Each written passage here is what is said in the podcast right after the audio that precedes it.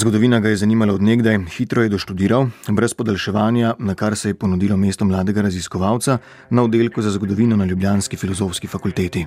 Takrat je kazalo zelo dobro, ampak tem trenutku pa kaže malo slabše. Jrnej Kosi je sveži doktor zgodovine ali povedano drugače, prekerni delavec, ki išče honorarne zaposlitve za kratek čas. V doktoratu se ukvarja z vprašanjem o nastanku oziroma nastanka in razvoja slovenskega nacionalnega gibanja do sredine 19. stoletja.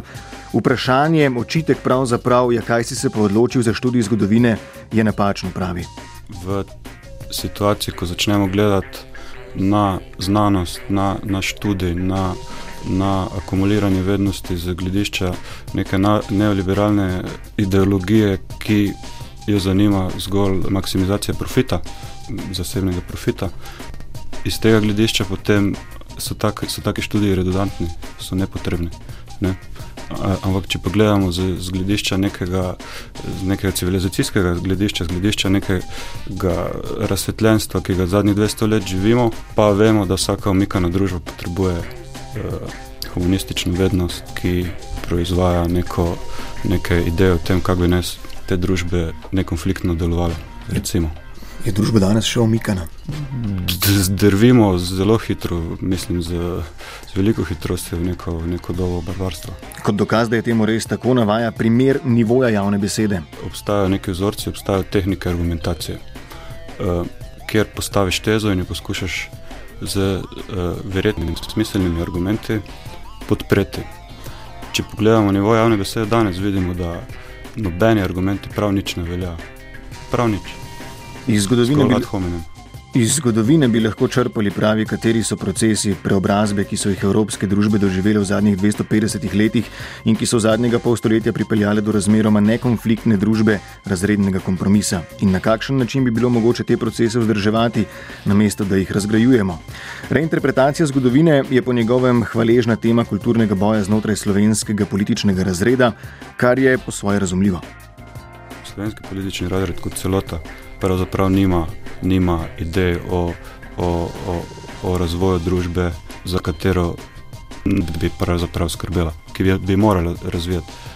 In da se znotraj tega političnega razreda lahko uh, spostavijo distinkcije, ne, ki so privlačne za potencijalne voljivce, je treba pritegniti teme, ki so razmeroma nepomembne. Ena izmed njih je tudi interpretacije pol pretekle zgodovine, potem je vem, vprašanje tega, katere družine so prave in katere ne prave. Skratka, ves nabor ta, teh tem, ki so razmeroma nerelevantni oziroma povsem nepomembne za, za današnjost in pa za prihodnost te družbe. Čeprav je veliko krat slišati, pozabimo zgodovino, osredotočimo se na prihodnost, meni, da zgodovine ne gre pozabiti ali odriniti na stanje, tako je tudi ne gre izkoriščati za vsakodnevno politikanstvo.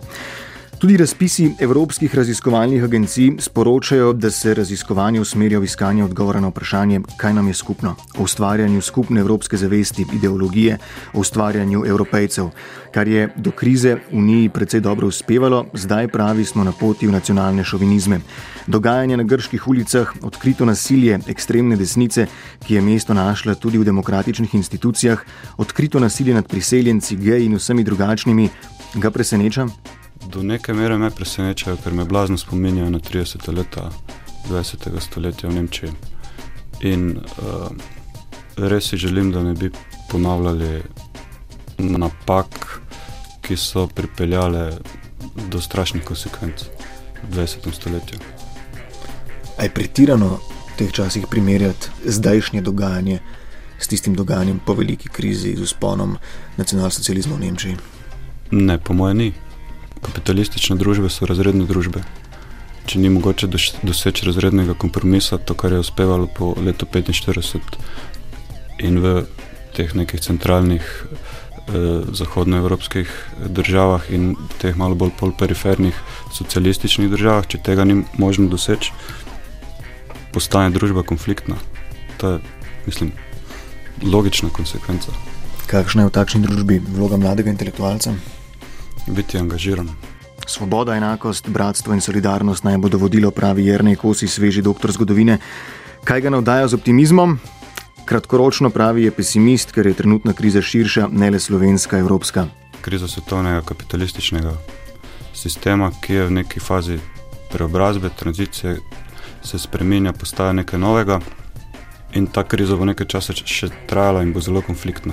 Na dolgi rok pa me, pa me pač to laži dejstvo, da živimo v dobi neslutenih tehnoloških zmožnosti, ki uh, ne omogočajo zgolj reprodukcije gospodstva, ampak obljubljajo obete za to, da se ta družba razvije v eno, v eno um, kako bi rekel, um, neprimerno lepšo družbo.